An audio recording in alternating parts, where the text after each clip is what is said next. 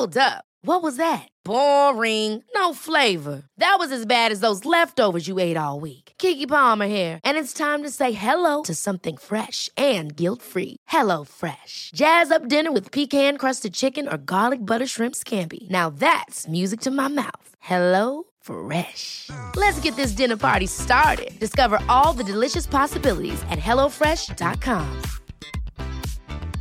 Jewelry isn't a gift you give just once. It's a way to remind your loved one of a beautiful moment every time they see it. Blue Nile can help you find the gift that says how you feel and says it beautifully with expert guidance and a wide assortment of jewelry of the highest quality at the best price. Go to BlueNile.com and experience the convenience of shopping Blue Nile, the original online jeweler since 1999. That's BlueNile.com to find the perfect jewelry gift for any occasion. BlueNile.com.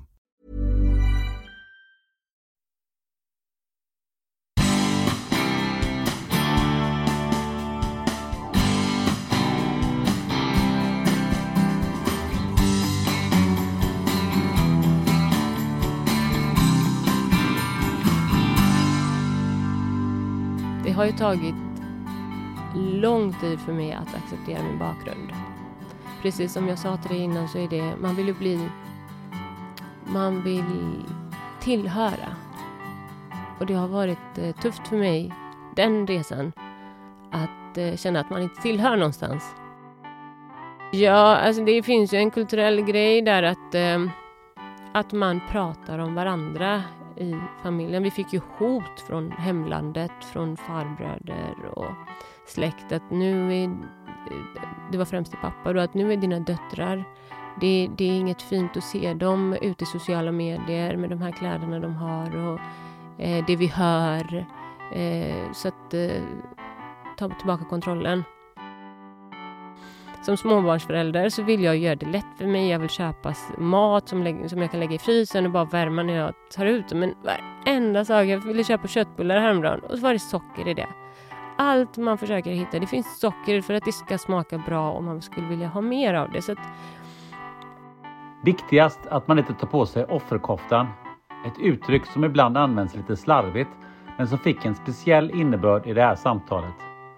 Arezo Feisi kom till Sverige från Afghanistan tillsammans med åtta syskon när hon var 11 år. Vi var så många att vi nästan hade en egen klass i skolan. Arezo tog sin egen väg. Idag är hon läkare och bryr sig extra mycket om kvinnors hälsa. Den tuffa bakgrunden och en extrem vilja hjälpte henne att uppfylla sina mål. Dagens spännande möte blev ett djupt samtal med många dimensioner. Innan vi börjar, tycker du att det här introt har lite dålig ljudkvalitet? Då har du alldeles rätt. Det är inspelat på en simpel iPhone. Mickarna de ligger väl förvarade hos en av mina poddkunder. Nog snackat! Här kommer läkaren i precisionsmedicin, Arezo Feisi.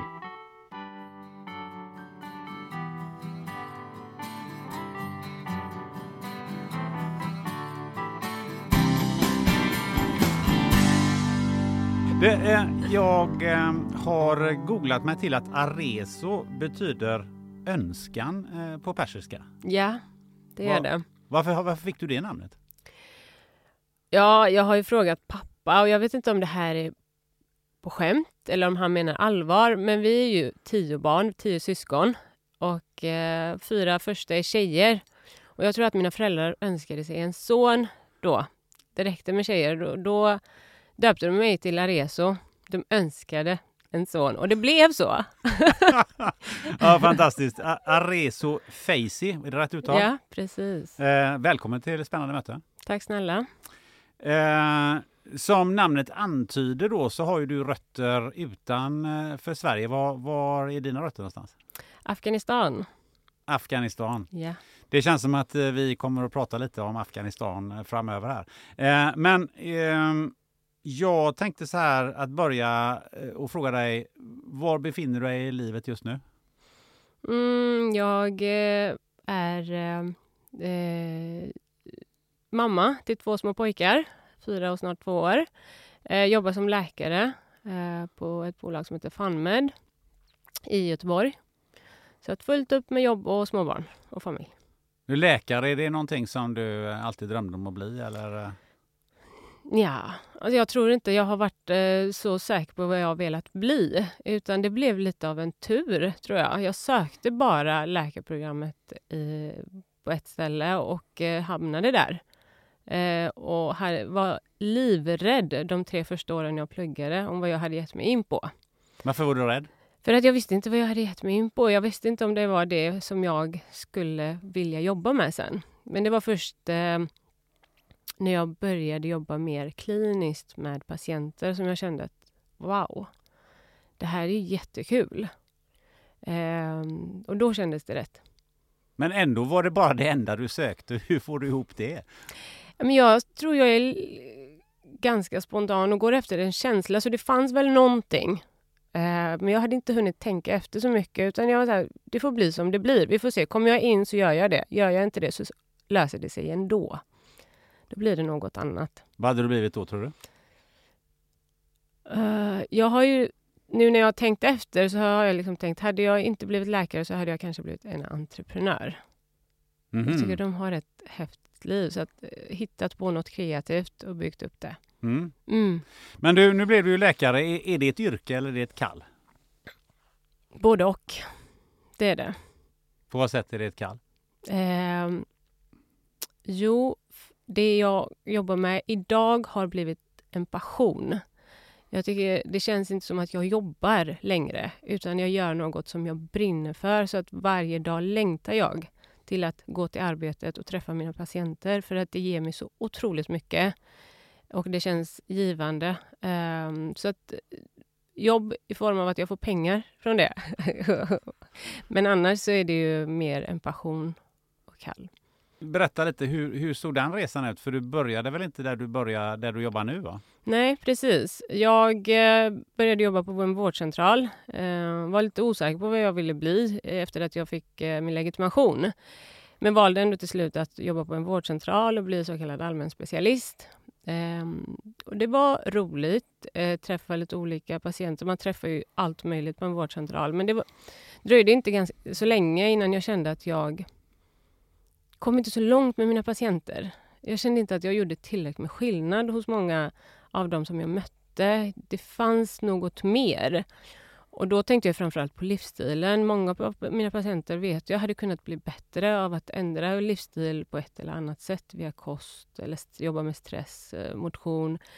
Men jag kände att jag som läkare hade inte så mycket kunskap inom det här området. Så av nyfikenhet så började jag ju söka vidare, söka mer kunskap och hittade då något som heter funktionsmedicin.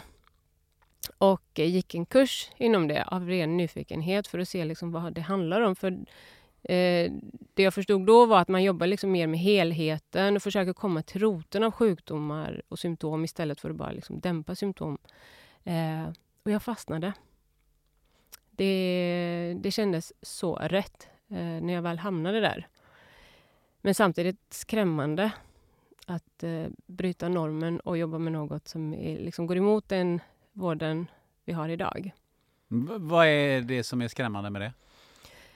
Nej, men man är ju så van vid att följa ett visst spår när man blir läkare. Först blir man eh, AT-läkare, sen blir man ST-läkare, sen blir man specialist. Och Det är så det liksom alla gör. Um, och Vi människor vi vill ju tillhöra.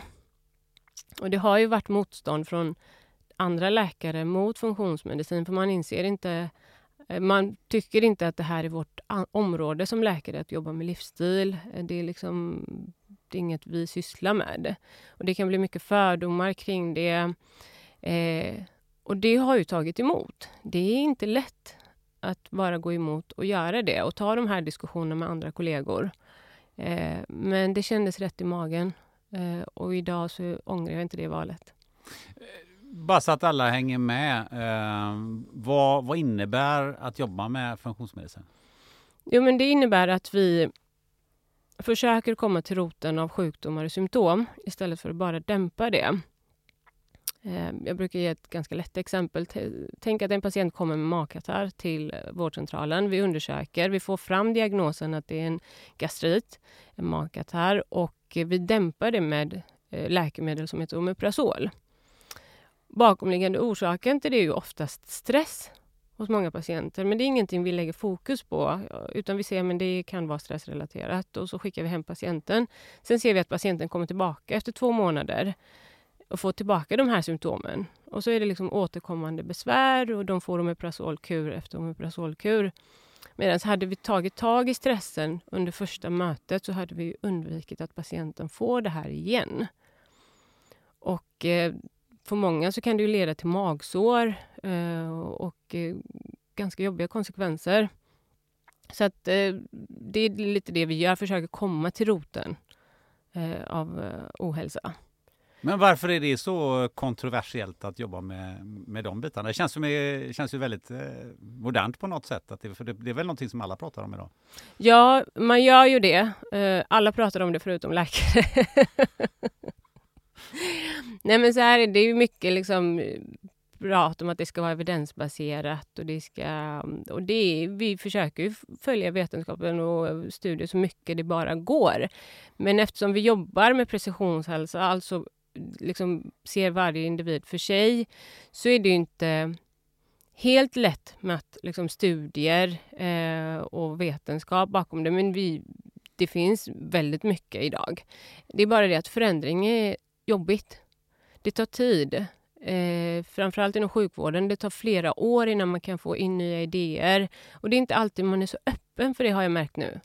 Eh, för det kräver resurser, det kräver nytänk, det kräver liksom att ta emot idéer och det är inte alla som är öppna för det. Varför är man inte det? Jag vet inte. Jag har liksom haft lite svårt att förstå det, men det kanske är en försvarsmekanism. Man kanske kan tro att man vet redan allt och mycket. Och när någon annan kommer med en ny idé som går lite emot det så är man så här, nej, men det är inte säkert att det är rätt. Och då väljer man att eh, stänga av det. Och funktionsmedicin har ju tyvärr blivit ett sånt ämne där många inte vet särskilt mycket om det, men väljer ändå att göra, sätta motstånd. Eh, för att eh, det ryktet går runt. Nyss så sa jag ju det själv att eh, det är ju det som många pratar om och det, det höll ju du med om. Att mm. livsstil och stress och, och de här mm. sakerna, det, det, det, ser man ju i alla möjliga artiklar. Så. Men, med det sagt så känns det ju som att eh, patienten ligger steget före eller ett steg bredvid eh, läkaren? Eller hur ser, hur ser du på det? Ja, många patienter kom, vill ju veta mer idag, vad de kan göra själva. Men samtidigt så är det inte så jättelätt att eh, sätta, eh, att jobba med det idag inom i alla fall primärvården på en vårdcentral. För där har du väldigt lite tid i möte med din patient. Du har eh, ibland tio minuter upp till en halvtimme eh, där du sitter och ska ta emot vad patienten söker för, göra en fysisk undersökning, göra en sammanställning av, av allt och sen lägga fram en behandlingsplan. Och man kommer inte så mycket längre. Eh, och sen är det brist på kunskap också, så att det är, läkarna jobbar inte med livsstil. Eh, och då är det inte mycket man kan ge till patienten. Nu när vi åt eh, frukost där innan så äh, berättade du bland annat att du jobbar äh, väldigt mycket med kvinnor och kvinnohälsa.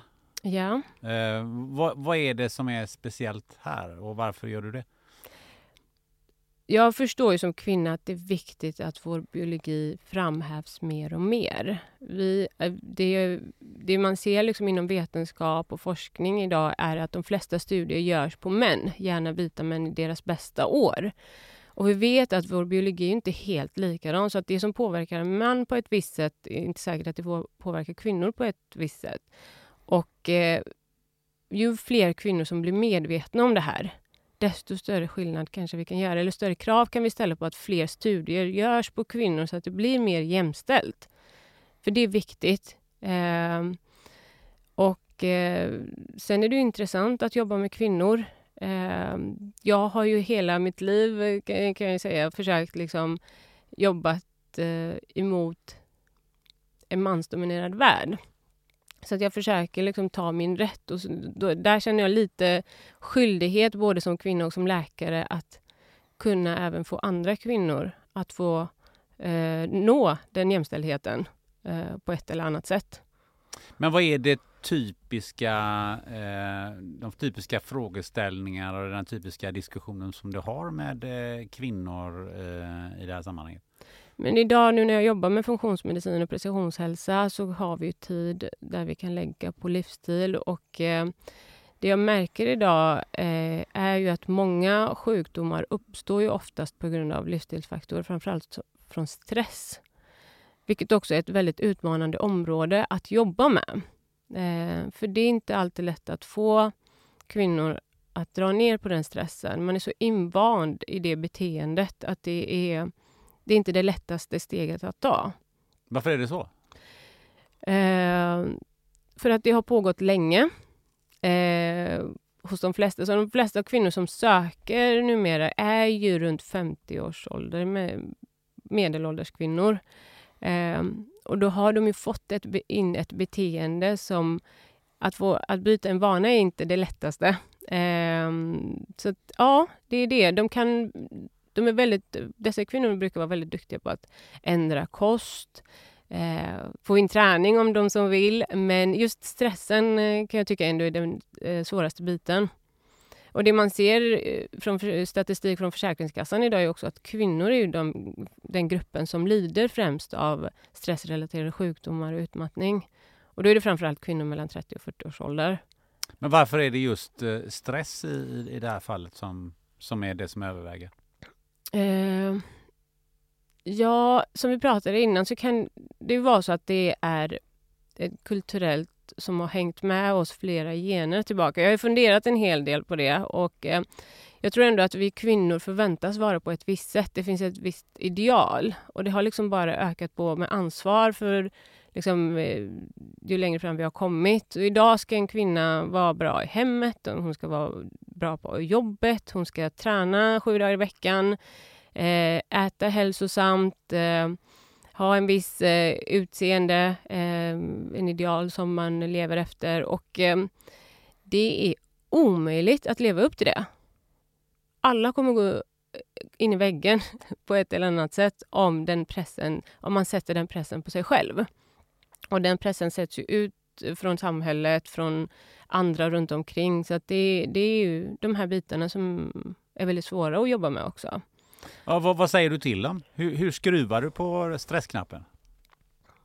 Men nu är jag ändå ganska rak med det. Det har inte varit kanske så lätt på vårdcentralen. Eh, men nu, för, det första jag frågar mina patienter är alltid vad är dina förväntningar utifrån den här vården som du vill ha här på FunMed? Eh, och mitt krav är alltid att jag hoppas att du är motiverad. För annars kommer vi ingen vart.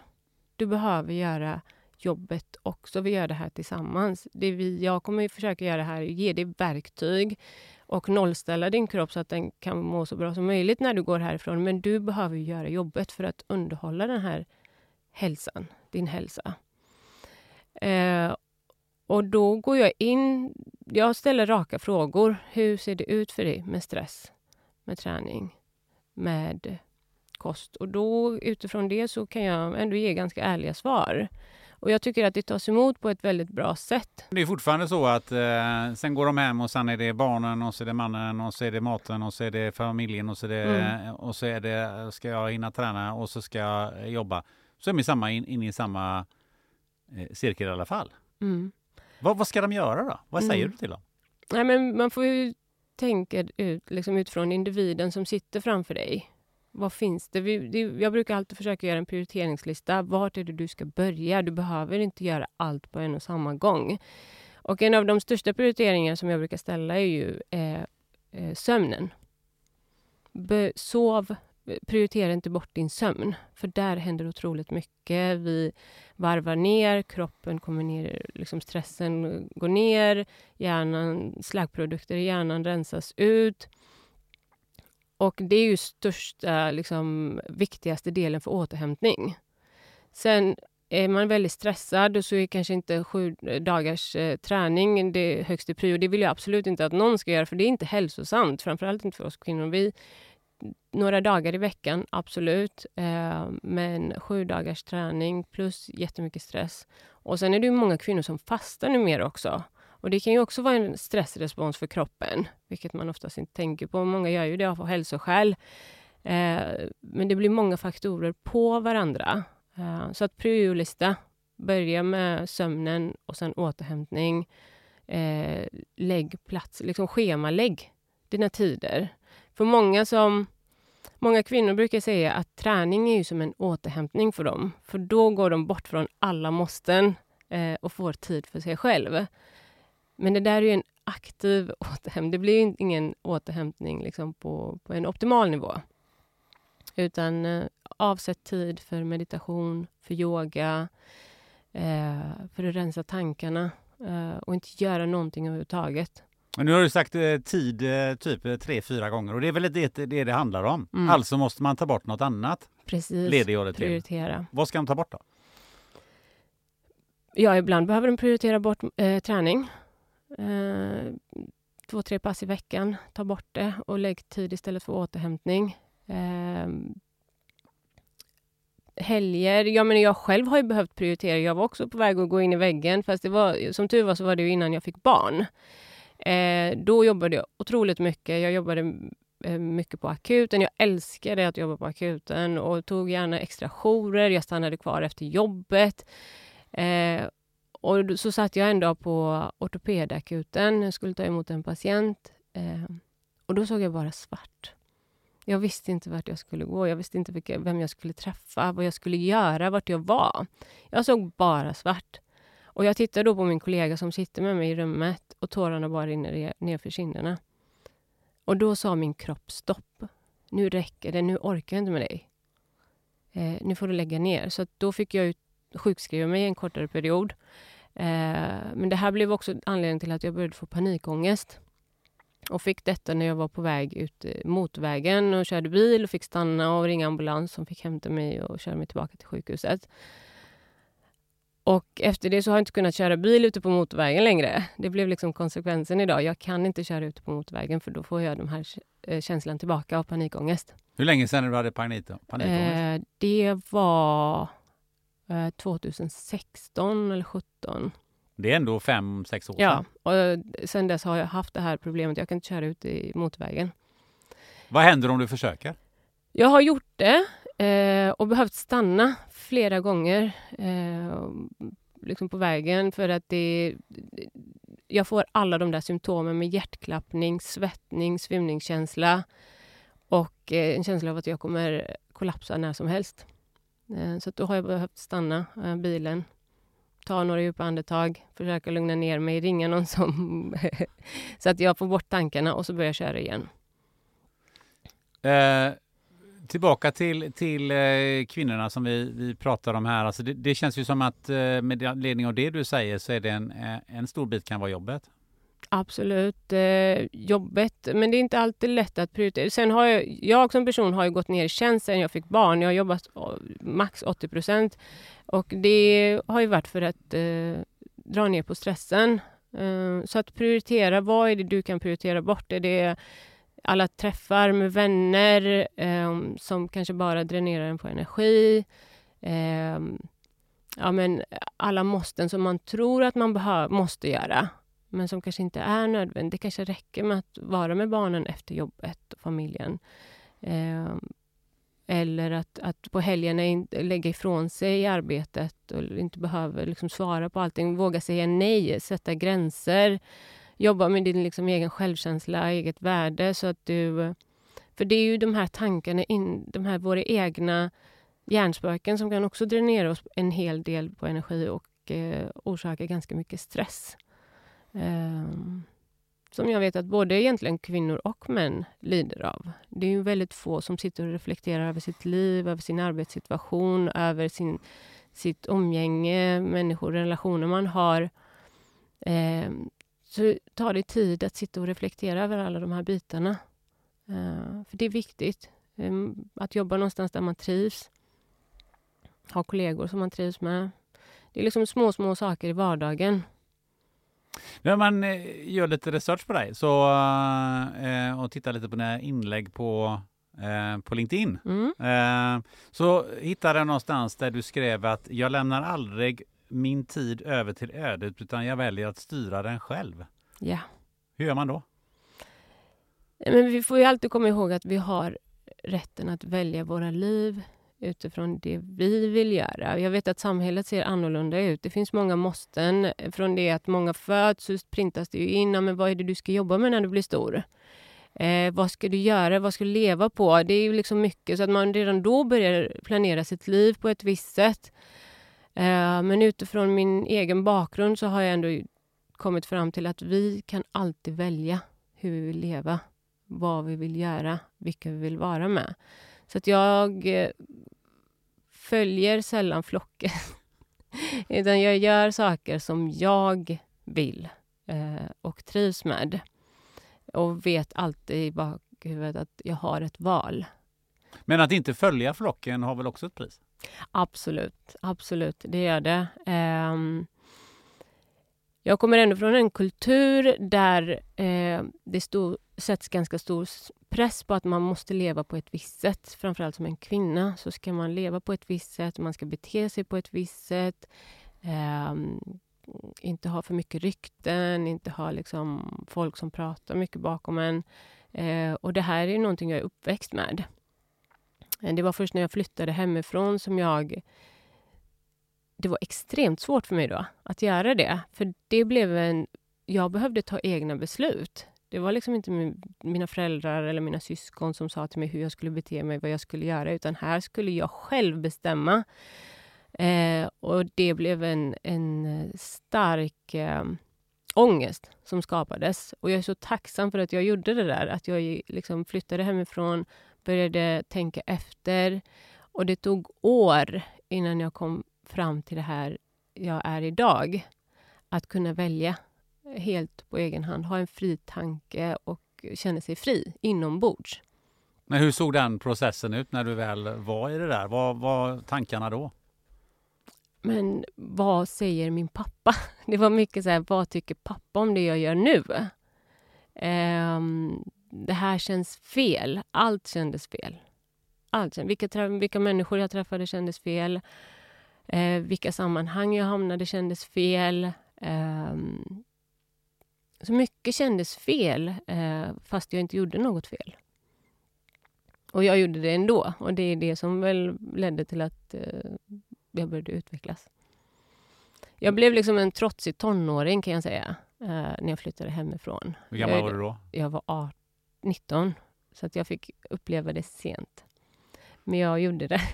Jag tänker på det finns ju många människor som kanske försöker leva efter det och säga att ja, men det är jag som bestämmer över min egen tid. Och de kanske inte har den bakgrunden som du har. Eh, men som ändå inte, men ändå inte lyckas för att det finns ju många andra sociala normer som, som vi tycker oss vilja eller behöva följa. Mm. Så är det ju. Det är väldigt få som lyckas för att det krävs ansträngning att göra det här. Det är vår mentala styrka. Det är precis som vår fysiska styrka. Vi behöver träna upp den.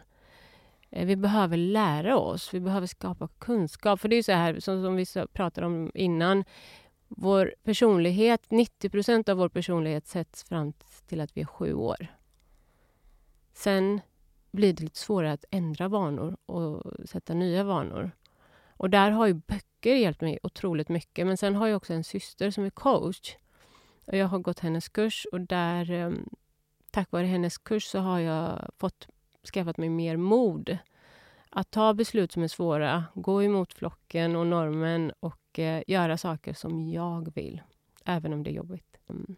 Vi sa det att eh, det finns ett pris med att eh, eh inte följa flocken. Vad är, vad är det för pris eh, som du tycker att du har betalat? Nej, men vi människor vi vill ju alltid tillhöra. Vi vill ju vara, liksom, vi, vi vill vara en del av gänget. Vi vill vara som alla andra. Men det här är ingenting som stämmer in i mitt liv någonstans. Jag, menar, jag kom till Sverige när jag var 11 år. Redan då var jag annorlunda. Vi hamnade ute i Långedrag, ett område där det är bara liksom, etniska svenskar som bor där. Så vi var ju de, den enda familjen med invandrarbakgrund. Eh, en skola med liksom, den enda mörkhåriga tjejen. Eh, där kände inte jag att jag tillhörde. Eh, så att eh, det, det, skapar ångest.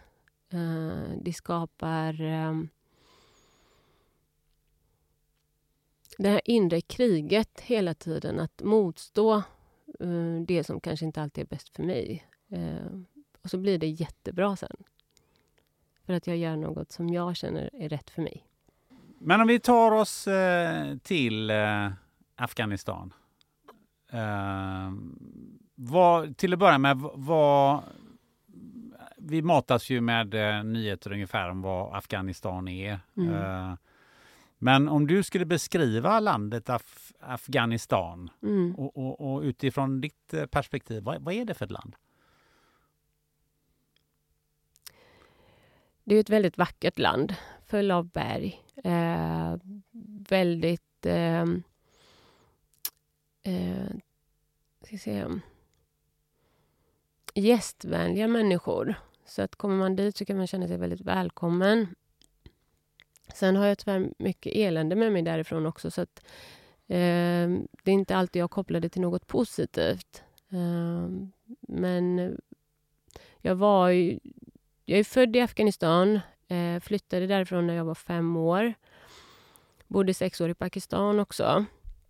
Och sen så åkte jag tillbaka till Afghanistan när jag var 18 eh, på besök. Eh, det var fint, men samtidigt var det väldigt svårt för mig som kvinna att komma dit. För jag hade ändå någonstans fått lite mer rättigheter när jag kom till Sverige. Så kom jag dit och blev påmind om hur det hårda livet ser ut för kvinnor. Um, små pojkar i 6-7 års ålder som bad mig täcka mitt ansikte. Uh, och då förstod jag hur inprintat det är liksom redan från det att man föds. De här könsrollerna eh, och hur man ser på kvinnans roll och männens roll. Och jag, det jag märkte ju att det är inte alltid lätt för männen heller. Det är ju så de är liksom uppfostrade. Och det märkte jag på pappa när vi kom till Sverige, hur tufft det var för honom. Han var ju liksom mannen som skulle ta hand om sin familj, skydda sina barn, skydda sin fru. Och så kommer han hit och alla vill ju vara självständiga och göra saker på sitt sätt. Och då kan jag tänka mig att hans ego krossades eh, när vi kom hit. Så det var ju väldigt... Än idag så vet jag att det är, det är inte alltid lätt för honom eh, i sin roll som man eh, och sin bakgrund. Men han jobbar med det otroligt mycket. Eh, och han har varit tvungen att göra det. Du sa att du flyttade från Afghanistan när du var fem år. Mm. Hur var Afghanistan när du var fem år? Eh, då var det ju krig. Eh, och jag har inte så jättemånga minnen. Men det jag kommer ihåg var ju att jag... Mm, eh, vi bodde i ett hus då, och stridsflyg som flög över huset. Sen det jag kommer väldigt starkt ihåg, det är ju resan från Afghanistan till Pakistan. Det tog ju oss sex dagar. Eh, och den var väldigt tuff. Men varför lämnade ni Afghanistan? Pappa var ju politiskt aktiv och han var de förföljd av talibaner. Så att vi var tvungna att fly, annars skulle det sluta illa. Men Detta var alltså, var det då när talibanerna tog över första gången eller var, Mm. var, är, var är vi någonstans i tidsmässigt? Det var ju eh, precis, det var där i början när talibanerna hade mm, invaderat eh, Afghanistan. Men hur, eh, hur, bestämde ni er och hur, hur tog ni er därifrån? Eh, men det är, det är ju pappa som har tagit de mm, flesta besluten av eh, när vi ska flytta och hur vi ska flytta. Det blev ju tufft. Han var förföljd så han fick ju fly hela tiden, rymma och gömma sig. Så att de kunde ju komma hem till oss och bara leta efter honom och hota oss med liksom att, att de skulle mörda oss om inte de hittade pappa. Så det blev ett läge att flytta. Vi hade inget annat val. Flytta? fly, du fly. nämner ändå flytta som, som första ord. Vad kommer det sig? Nej men fly då. Jag har i- Ja, vi fick ju liksom bosätta oss någon annanstans. Det, och det var där vi ska, skaffade ett nytt liv. Så att vi flyttade till Pakistan. Och det, det var ju flyktvägen då. Men det, det där tycker jag är lite intressant. Ursäkta att jag frågar det här, men, Mm. men eh, eh, Eh, det känns som att du inte riktigt vill ta det där ordet fly i, i, din, i din mun. Eller det känns som att inte det eh, är någonting som, som du vill kännas vid. Jag har aldrig reflekterat över det så, så det är lite intressant att du säger det. Eh, och det kan absolut vara det. Det har ju tagit lång tid för mig att acceptera min bakgrund. Precis som jag sa till dig innan så är det, man vill ju bli... Man vill tillhöra. Och det har varit eh, tufft för mig, den resan, att eh, känna att man inte tillhör någonstans. Mm. Eh, så det tog lång tid och det kan fortfarande finnas lite motstånd där. Att eh, erkänna att det har varit tufft och vi behövde fly. Varför är det svårt att erkänna?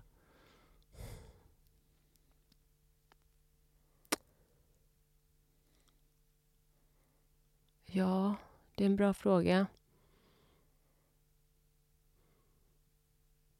Medan jag vet inte. Det kan ju vara så som det ser ut i samhället idag. Jag menar, alla som flyr, det är ju en negativ klang i det. Och eh, Det är inte alltid de blir accepterade. Så det kan ju vara den biten. Jag har inte reflekterat över det själv, den biten, varför det är svårt. Men det kan ju vara så att man vill bara känna sig accepterad. Och då är ju inte den här flyktingen som, som kanske är det första som kommer i, hos mig, i mina tankar. Är det lägre status kanske i det ordet? Kanske.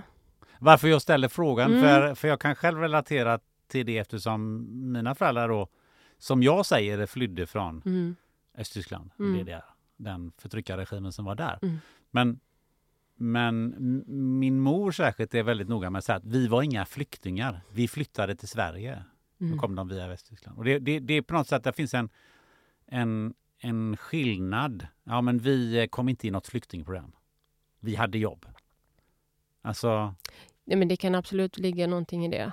Jag har inte reflekterat särskilt djupt just det här. Men det är, det är något jag får ta med och fundera över. För att ehm, när jag fick barn så var ju mitt viktigaste mål att de skulle känna sig trygga oavsett vilken situation de hamnar i. Och att de med trygghet kunde säga så här ligger det till. Och det är inget fel eller rätt, utan det är så jag har, jag har det. Men jag märker att jag kanske inte själv är alltid där. Eh, och det är ett område som jag behöver stärka hos mig själv. vad minns du av den där flytten eller flykten som vi, om på vad du kallar den för? Ja, du, det, vi fick ju... Det var ju alla möj, möjliga sorters eh, transportmedel vi fick använda. Vi, först åkte vi lastbil eh, och då eh, så har pappa sagt att det var några tjuvar som hade hört om att det fanns pengar bland folket som åkte den här lastbilen. Så att de hade följt efter oss och stoppade oss på vägen. Och tog allt som var liksom som de såg. Det var filtar, det var kläder, mat. Och sen hade de även hört att det var en i gruppen som hade en stor summa pengar. Så att då tog de iväg alla män. Och hotade med att om de inte hittar de här pengarna så kommer de skjuta ner alla. Um, och det jag kommer ihåg då var att jag bara såg pappa liksom gå ifrån oss. Och jag minns det så starkt att jag bara skrek pappa. Um, men så kom, så kom han ju tillbaka för då hade de ju hittat de här pengarna. Och då släppte de eh, alla männen. Eh, och där berättade pappa för mig att eh, de hade liksom gått till var och en och eh, kollat efter i fickor och kontrollerat om de hade haft pengar. Och då kom de till pappa och då hade pappa varit lite smart där och bara sagt men ni har ju redan kollat upp mig här och jag har ju några hundra kvar och det är det sista jag har kvar, vill ni ha det också? Och då hade de tagit det Eh, men liksom inte kollat mer för då trodde de att de, deras andra vänner hade ko- kontrollerat pappa. Men då hade han tydligen lite pengar gömd i sin väst. Som han kom undan med, som han fick ha kvar. Eh, och sen fick vi ju, vi var ju många syskon. Vi var ju sju av tio då. Eh, och små. Min yngsta bror var några månader gammal. Så ni var sju syskon när ni, Mm när när ni vi drog fick iväg? eh, fly där. Ehm, och eh, då fick vi rida på åsna, eh, gå eh, väldigt långa sträckor, åka skåpbil, eh, tälta. Så att, ja, det hände väldigt mycket under den resan. Hur lång, hur, har du en uppfattning om hur långt det var? Nej, inte sträckan så, men det var ju mellan Afghanistan och Pakistan då.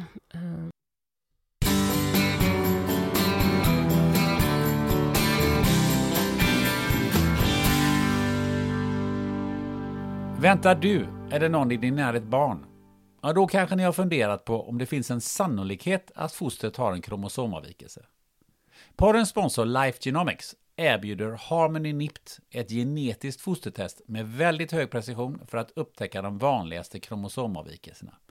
NIPT görs på ett enkelt blodprov från mamman som utförs på labbet i Göteborg. Gå in på hemsidan fostertest.se och läs mer. På fostertest.se så hittar du också din närmaste vårdgivare som erbjuder NIPT-test. Life Genomics erbjuder även andra tester som covid-19 PCR inför exempelvis din resa eller andra möten. Dessutom erbjuder Life Genomics ett kvantitativt antikroppstest för covid-19 som påvisar aktuell immunstatus. Mer information hittar du på lifegenomics.se. Tack Life Genomics!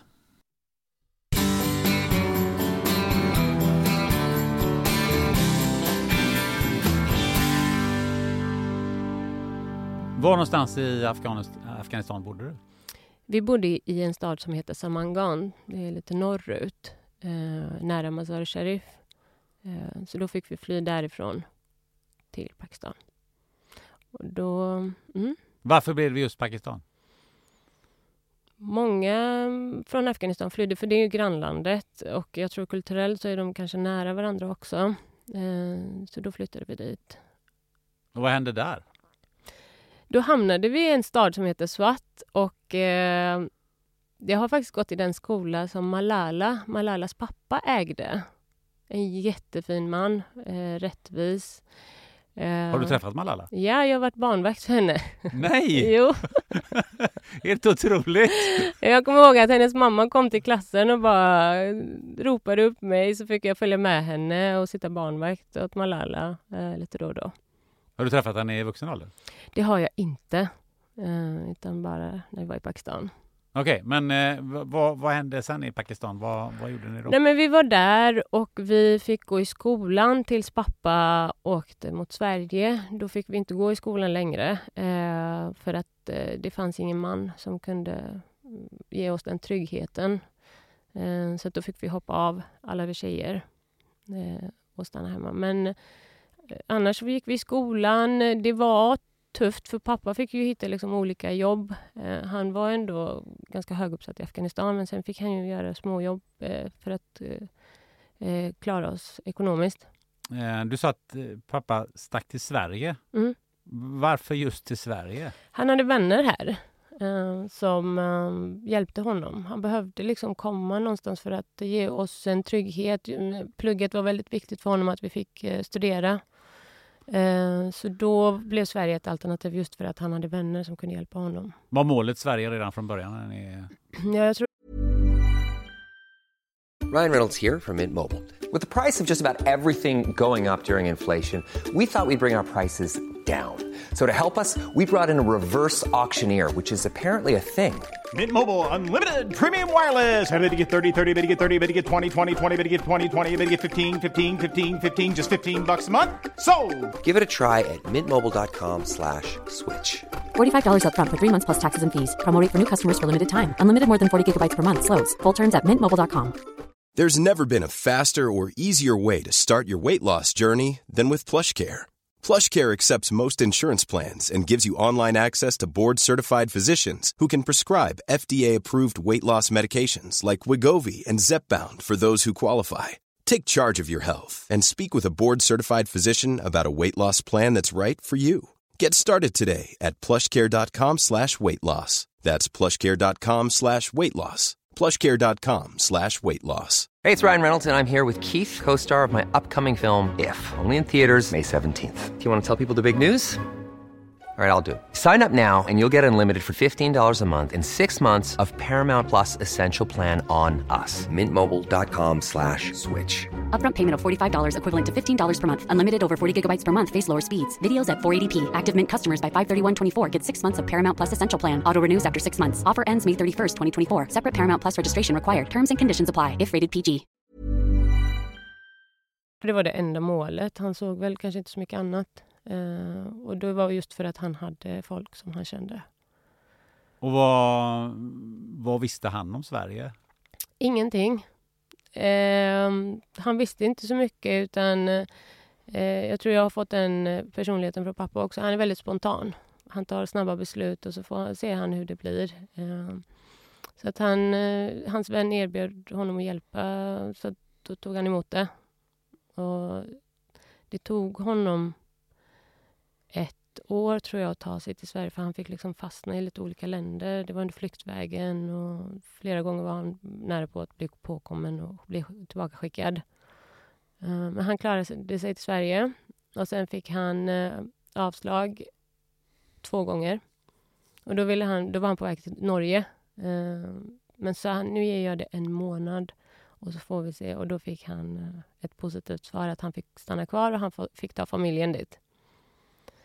Eh, men det var ju ett stort jobb, för vi var ändå nio syskon då. Och eh, det var ju nästan ingen som trodde att vi var äkta, liksom alla var från samma föräldrar. Utan eh, det blev mycket intervjuer och ifrågasättningar. Är ni verkligen syskon eller försöker du dra med en massa andra mm, som inte ska komma med?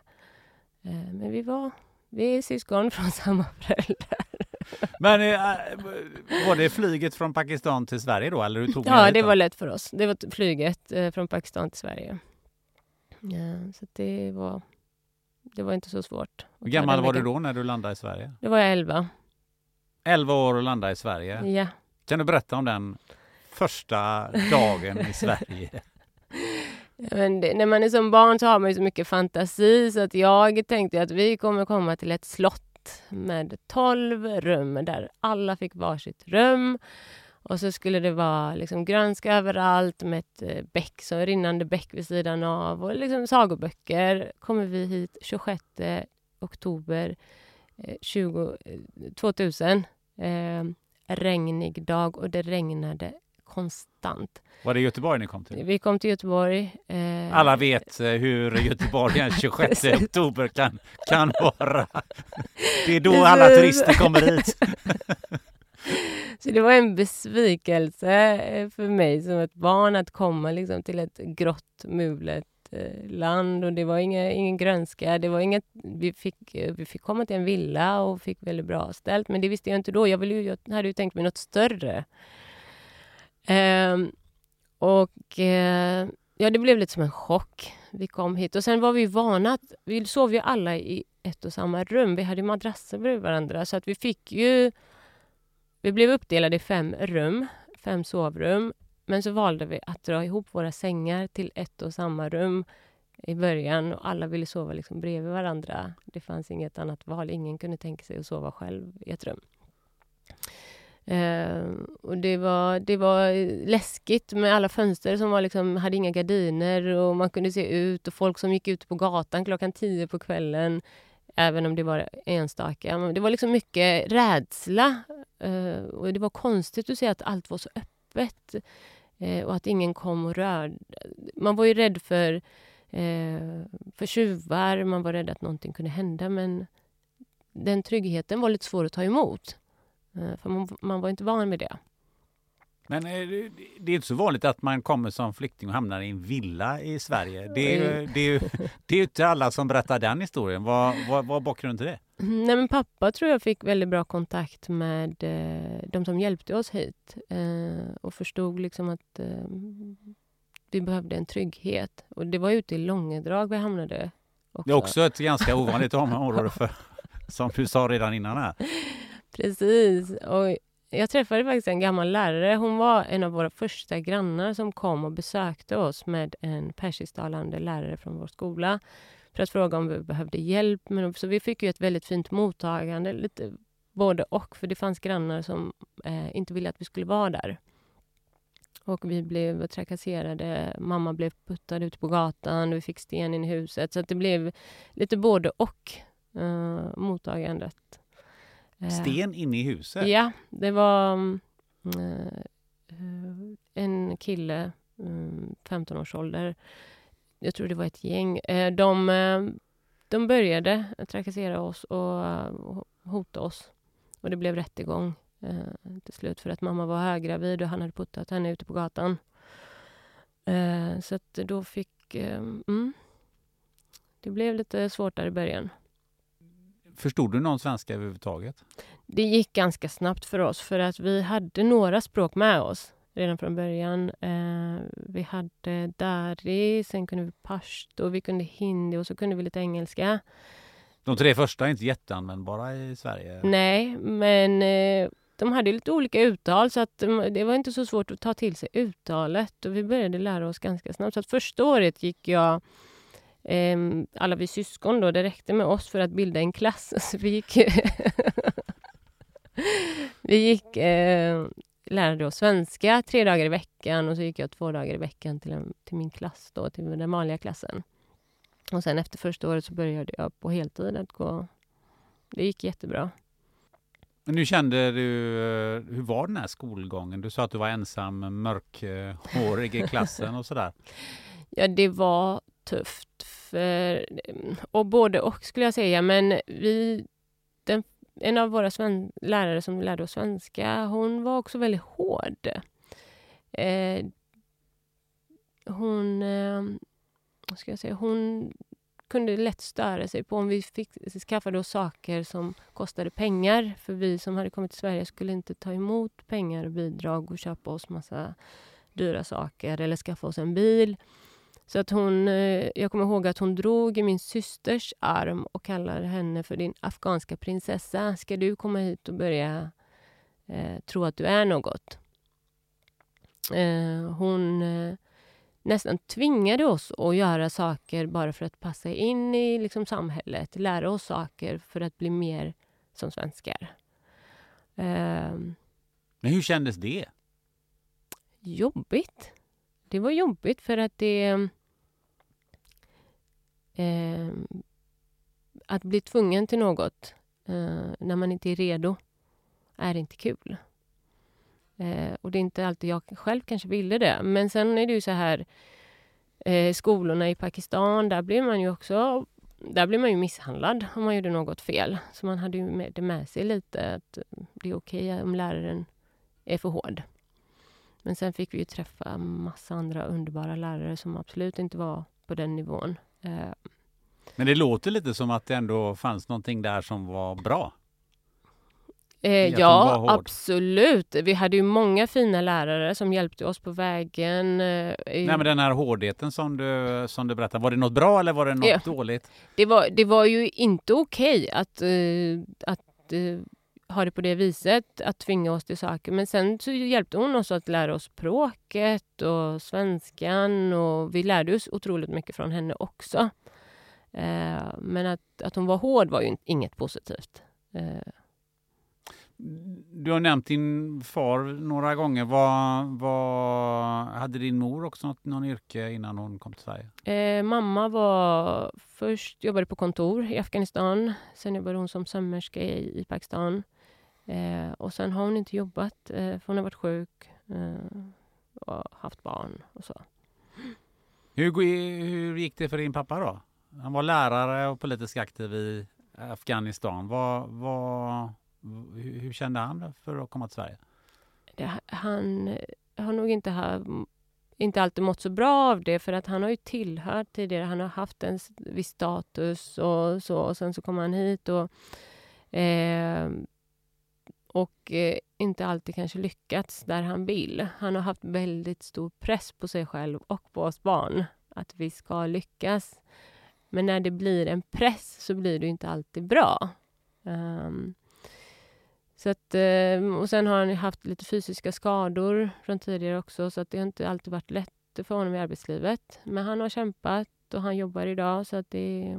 Vad, vad, vad jobbar han med här i Sverige? Eh, nu kör han taxi. Eh, och han har kört buss och så. Varför, det, varför var det viktigt för honom att, att barnen ska lyckas? Kanske någonstans för att han själv inte lyckades eh, dit han ville. Han hade många drömmar, många mål i livet, eh, men lyckades inte med det. Så att då vi, jag, jag, såg en serie häromdagen och då sa en förälder att barn är ju betyg på vårt föräldraskap. Och jag tror att det är lite så han ser det också. Att vi är betyg på hans föräldraskap, hur han ser sig själv. Så ju bättre vi gör ifrån oss, desto bättre mår han. Mm, lite så. Fast man kan ju vända på det och säga så här, han lyckades ju med det största. Ja, absolut. Han har ju lyckats med mycket. Det har han gjort. Men jag tror att just i, i sitt, hos sig själv, i sitt eget värde, så tror jag att han känner sig lyckad när vi lyckas. Eh, genom studier och jobb eh, och de här bitarna. Men jag tänker på att han lyckas ju ta er från ett Absolut. krigshärjat eh, Afghanistan. Jag, jag önskar att han såg mer av det själv och förstod hur mycket han har gjort egentligen. Men det är inte alltid lätt eh, för honom att se det. Ja, Har du reflekterat själv över det? Vad hade hänt om ni Absolut. inte... Vad, Absolut. vad, vad tänker du kring det?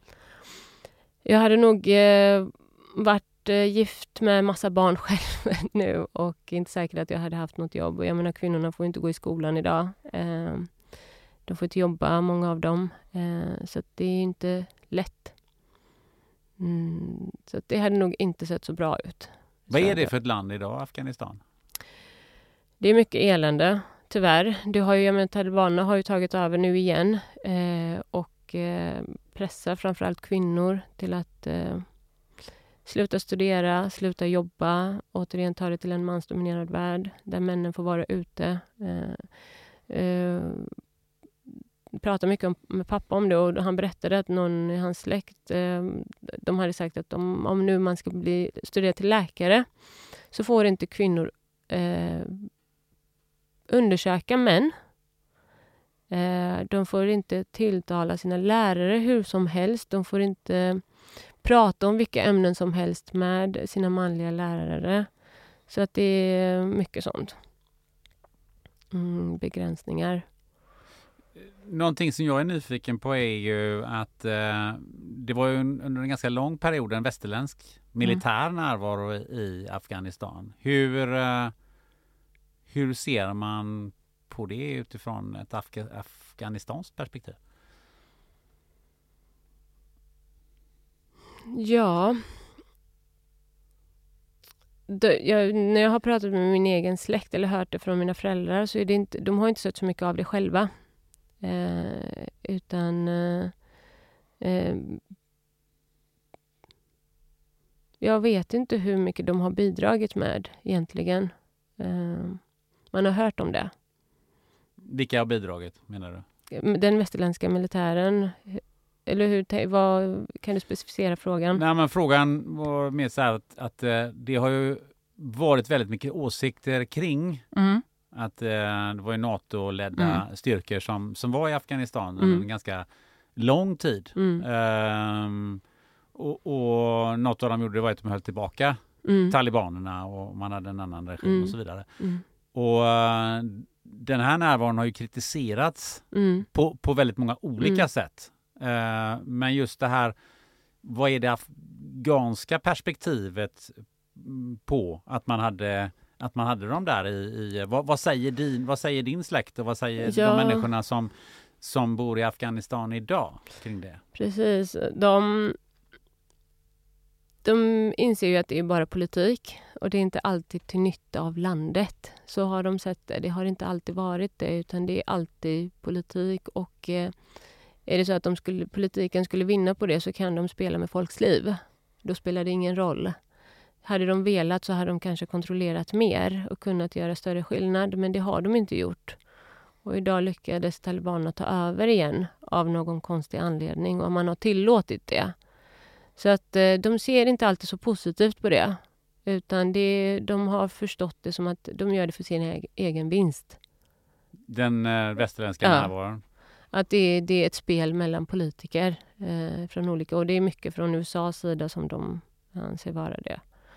Eh, så att de ser det inte alltid positivt utan de vet att skulle det gynna politiken i det landet så skulle, de, skulle det kosta liv. Oskyldiga liv. Eh, så att de förlitar sig inte så mycket på det. På den hjälpen eller... Vad var kommentarerna och, och eh, tankarna? Vad sa man när, när plötsligt hela väster, den, den NATO-ledda styrkan bara drog sig tillbaka? folk kände sig eh, krossade, besvikna. Det, jag menar, det är ingen, de har ju ingen som backar upp dem. Eh, och de har förstått liksom, det finns ingen trygghet oavsett vad någon säger. Det kan alltid hända att det vänder över en dag. Eh, så de lever i en rädsla och eh, litar inte på det de ser eller hör. Någonting eh, som man också funderar på är ju uh, hur man tvingar kvinnor att vara klädda Mm. i Afghanistan. Mm.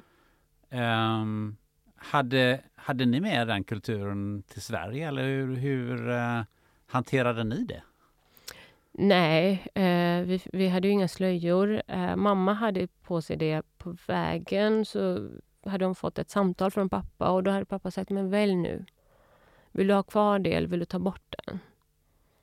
Då tog hon bort den. Eh, så att eh, vi kom hit, men det har varit kommentarer kring kläder eh, ändå. Eh, tills vi har liksom sagt ifrån och sagt nej, nu bestämmer vi själva. Det är Även min, här i det Sverige är min alltså? kropp. Även här i Sverige? absolut, absolut. Från andra då alltså, utanför familjen? Ja, alltså det finns ju en kulturell grej där att, eh, att man pratar om varandra i familjen. Vi fick ju hot från hemlandet, från farbröder och släkt att nu är, det var främst till pappa då, att nu är dina döttrar det, det är inget fint att se dem ute i sociala medier med de här kläderna de har och eh, det vi hör. Eh, så att eh, ta tillbaka kontrollen. Eh, men eh, vi fick jobba för det. Vi fick liksom jobba, göra motstånd hela tiden, stå emot och säga liksom, nej men vi vill inte det där. Det är jag som kvinna bestämmer själv. Det måste ju varit en ganska eh, tufft för din eh, farsa. Du sa nyss att, eh, att ni var, var ni fyra, fyra tjejer Mm. i början. Men vi var rebeller och vi ville ha en förändring. Vi ville ha mer frihet. Och det var tufft, för han visste ju inte själv längre vad, vad är det jag gör rätt och vad är det jag gör fel. Var går gränsen? Vad vill jag? Um, så att han vände sig mycket till böcker sen uh, och försökte liksom hitta svar. Vad är det jag ska göra som en, som en förälder? Uh, mamma var ju såklart med i bilden också. Eh, Men hon hade sin egen bakgrund. Mamma har haft det väldigt tufft. Så att det inte så här, hon klarade kanske inte av att ta den tyngden på sig, utan det var ju blivit pappa. Mm. Så vi har haft många konflikter och det har vi väl kanske idag med också. Men det jag är glad för de konflikterna för de får ju oss att ändras och kommunicera. Det är vårt sätt att kommunicera, det är genom att bråka.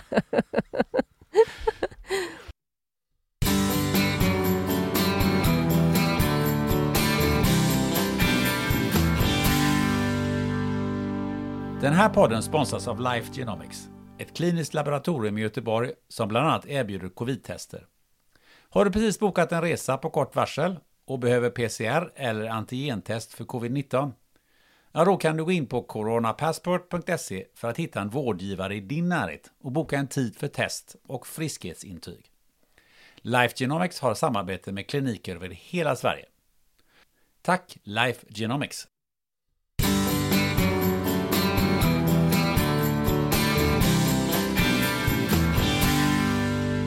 Eh, vad, vad betyder eh, familjen för dig idag?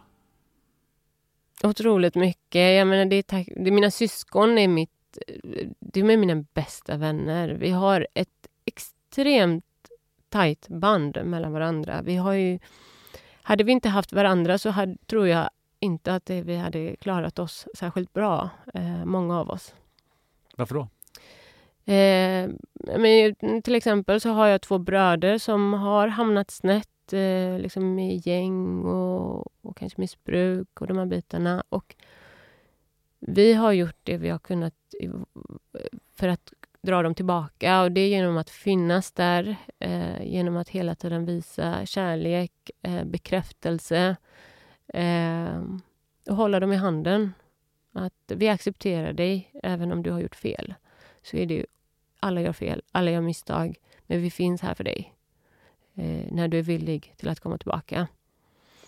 Eh, och det har hjälpt, vi har hjälpt varandra så, på så vis jättemycket. Och sen har vi ju haft eh, samma bakgrund, eh, ganska tuff bakgrund, så att vi har ju kunnat prata med varandra, vi har ju kunnat förstå varandra.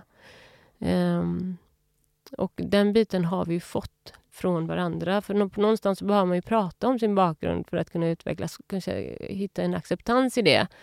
Och det blir ju lättare när det är folk som kanske har varit med om samma sak och eh, som man vågar prata med. Hur går det för dina bröder idag? Jättebra. Um, de, ehm, de har dragit sig tillbaka uh, från allt det onda uh, och uh, lever ett bra liv idag. För man hör ju att det är inte helt lätt att dra sig ur de där kretsarna. Det är inte det. De har blivit hotade ehm, och fått betala summor för att kunna köpa sig tillbaka ur det. Du sa nyss att din pappa, att det var viktigt att, att ni lyckades. Mm. Hur, hur eh, tänkte han kring det när, det när det var några som inte lyckades? Eller man ska... Hur var det för honom? Tufft. Det är tufft. Eh, eh, men de har ju kämpat och kämpat och kämpat Eh, det är det enda jag har sett dem göra liksom mycket av. Och eh, tillsammans med oss, andra syskonen, så har vi lyckats på ett eller annat sätt. Det är inte alltid vi är överens med pappa, eh, men vi har gjort det tillsammans ändå. För när jag har gjort lite research så, så är det ju några stycken som, eh, som är som du. Som är, någon är läkare och, och eh, någon håller på med löpning och du sa att det var någon som var coach. Ja, precis. Nej, men vi har tagit lite olika vägar och lyckats bra på många plan. Jag har en bror som är läkare. Eh, sen min äldsta syster är coach och hjälper otroligt många att uppnå framgång, lycka. Eh, och jag har ju gått hennes kurs själv och sett stora förändringar. Sen har jag eh, en syster som eh, studerar till dietist och jobbar som säljare samtidigt och på Sats. Vi gör, vi gör olika, en som jobbar på Volvo. Ehm, Eh, så att vi, vi har valt lite olika vägar. Eh. Vad, vad, skulle du själv vilja säga? Vad är, vad är orsaken till att du och, och en stor del av dina syskon har lyckats så väl som ni har gjort? Vi har sökt hjälp. Vi har eh, inte tagit på oss offerkoftan eh, för att det har varit tufft, utan vi har accepterat det och velat gå vidare och se vad vi kan göra bättre. Så att vi gör medvetna eh, val dagligen på hur vi kan göra våra liv bättre. Och eh, alla va val vi gör numera är ju medvetet utifrån vad som passar oss bäst. Har du några reflektioner kring eh, Eh, för det är ju rätt många eh, som, kanske inte alla är tio syskon, men det är rätt många familjer som har kommit hit på framförallt de senaste fem, sex åren. Mm. Och en del går det bra för och väldigt många går det inte så bra för. Har du reflekterat någonting eh, kring det? Absolut, det har jag gjort. Och eh,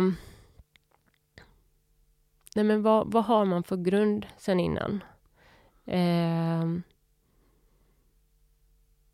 vissa väljer att ta på sig offerkoftan, eh, tycker synd om sig själva och så eh, sitter de kvar där. Eh, och inte medvetna om något annat heller, utan de tror att det, det är liksom synd om dem. De har hamnat någonstans där de inte ska. Eh, Medan andra vet att nu har de en valmöjlighet. Vad, jag kan göra någonting av det här. Och så väljer de att göra det. Så det är otroligt många som lyckas väldigt bra.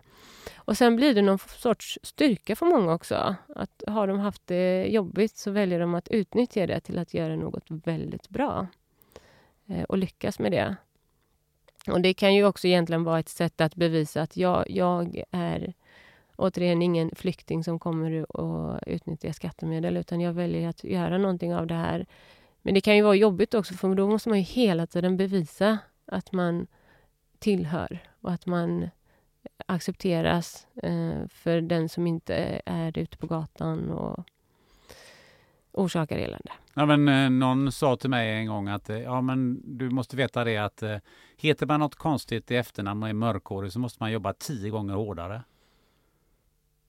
Ja, men någonstans tror jag lite på det också för att eh, jag menar jag som läkare, jag har ju eh, Eh, när jag har kanske lagt en beskrivning om mig själv så har man ju tryckt på ibland att men lägg att du har eh, jobbat i en viss stad så att folk förstår att du har du kan svenska och att du, du eh, har liksom den bakgrunden. Eh, så att eh, man blir påmind om det ofta. Eh, och eh, ja, så att man behöver jobba lite hårdare om det är så att man har det kravet på sig att hela tiden bevisa. Sen vem man vill bevisa för, för vet jag inte, om det är sig själv eller om det är till allmänheten. Eh, det kan ju vara olika. En del funderar ju på att byta namn och en del gör ju det faktiskt också. Mm. Eh, har, har sådana tankar slagit eh, någon hos er? Men när jag var yngre, när vi precis hade kommit och när det var kanske som tuffast, då ville jag gärna tillhöra en svensk familj. Jag ville vara blond och jag ville heta Sara och det skulle liksom... allt skulle vara så, för att jag kände mig inte hemma någonstans. Men idag, absolut inte. Utan eh, jag har accepterat min bakgrund. Jag är där jag är på grund av den bakgrunden. Och eh, det gör mig inte till en svensk om jag skulle byta mitt namn till en Sara. Och det är inte mitt mål heller på något sätt. Utan jag är svensk idag. Ja, men det är ju här jag känner mig som mest hemma. Eh, men jag vet att jag har liksom olika, eh, två olika kulturer. Eh, en blandning av det. Eh, och det gör mig till en bättre människa. Jag har mindre fördomar. Eh, och utnyttjar det på ett bra sätt. Jag försöker få ut det bästa av båda. Du sa ordet offerkofta Mm. eh, förut. Um, det ju, eh, finns ju många infödda svenskar som tar på sig den Det koftan eh, också. Precis. Eh, för att göra livet lättare. Alla vill ju ha det lätt. Och då kan man ju sitta och skylla på saker. Så att man kan gärna sitta och tycka synd om sig själv och tycka att det är felet ligger alltid hos någon annan eh, beroende på vad man får uppleva och känna. Och så. För, jag menar hälsan. Många kan ju tycka att det är sjukvårdens fel, det är läkarens fel, det är mammans fel, det är pappans fel. Det är, och då kommer man inte så långt. Så att jag tror att all, det, är- det är ju så överallt. Det behöver inte vara för att man kommer från ett annat land utan man skyller bara på olika omständigheter eh, utifrån vart man är i livet. Där du jobbar nu, Mm. eh, de som eh, kommer dit, eh, de för att bli bättre, Mm. var vi inne på början, att då kan man inte ta, då får man ta sig den offerkoftan. Ja, precis. Och jag är så glad att jag kan ställa det kravet idag.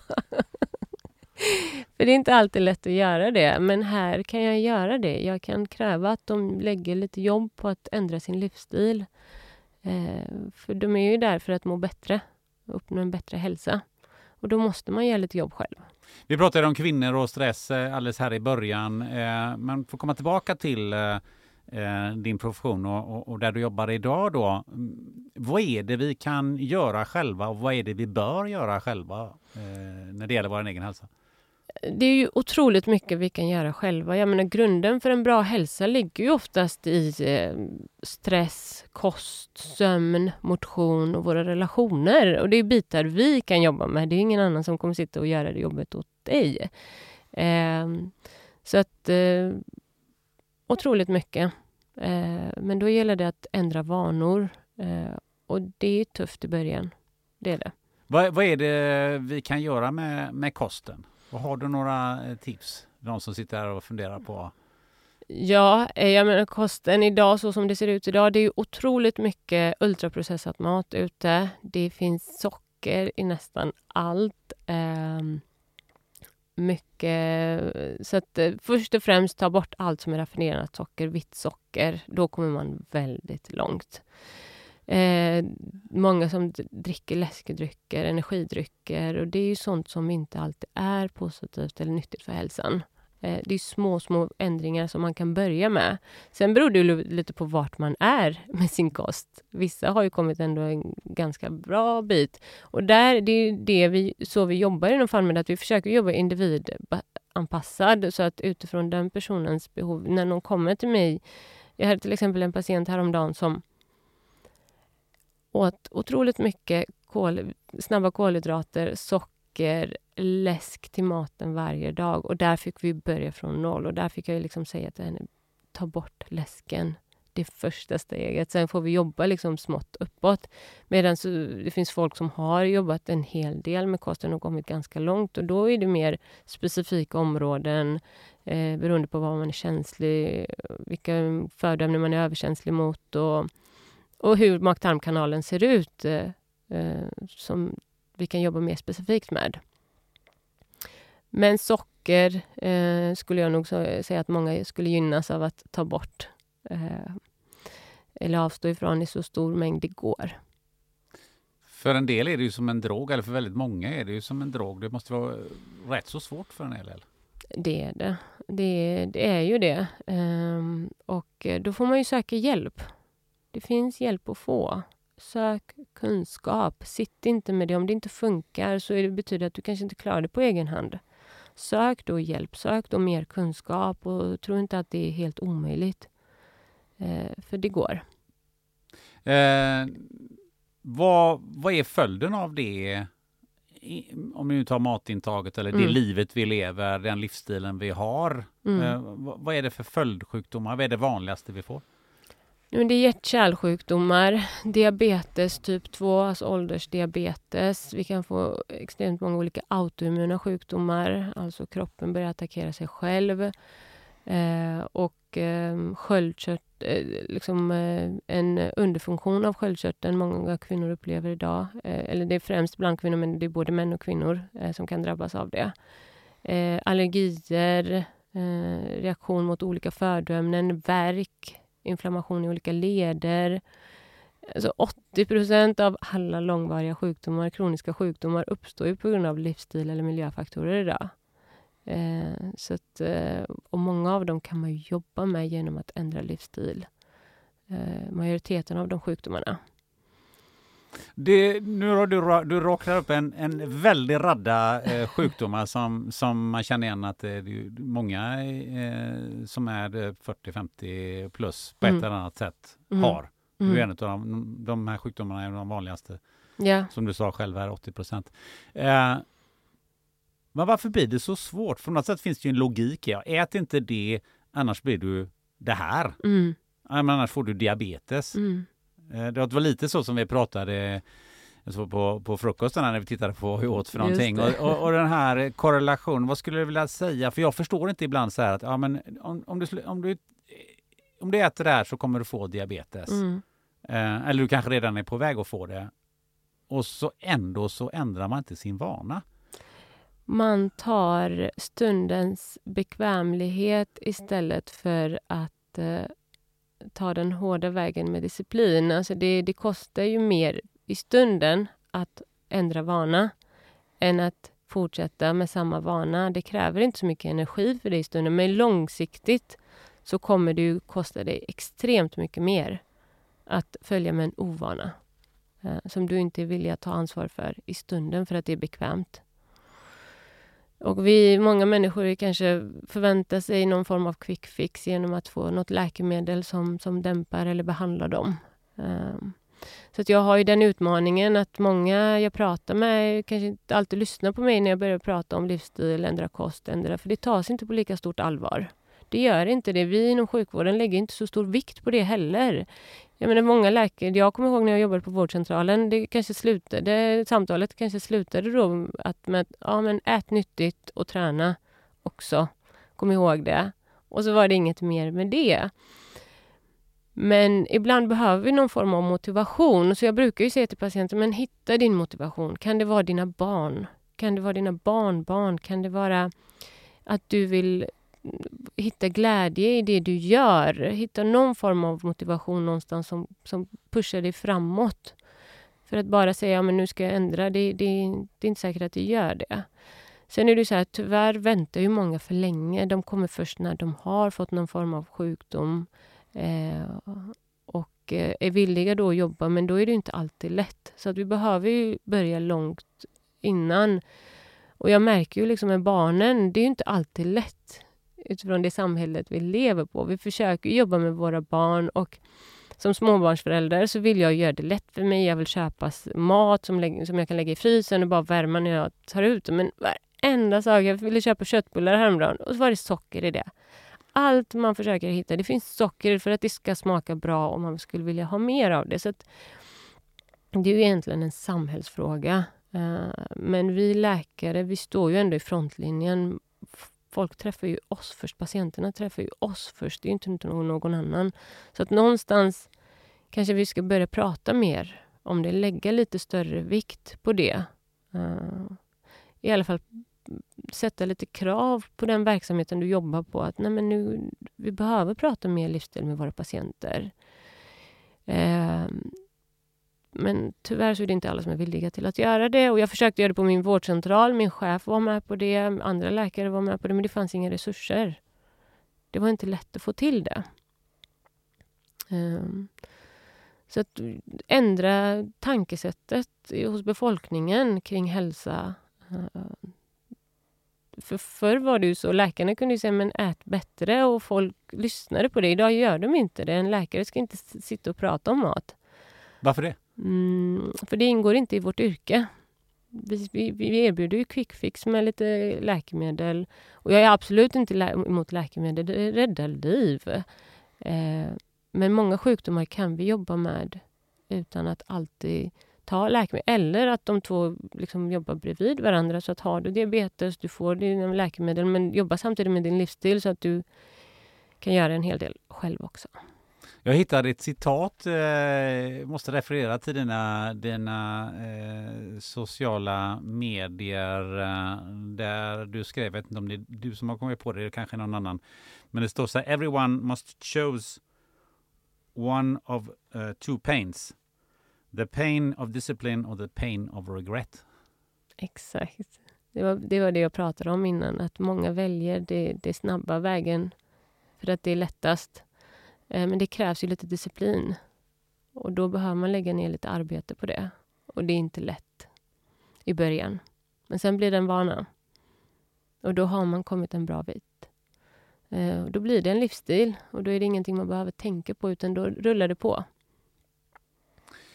Um, nu har vi pratat om uh mycket om eh, ditt liv bakåt i tiden och ditt liv eh, eh här och eh, nu. Jag tänkte att vi skulle börja avrunda. Ja. Yeah.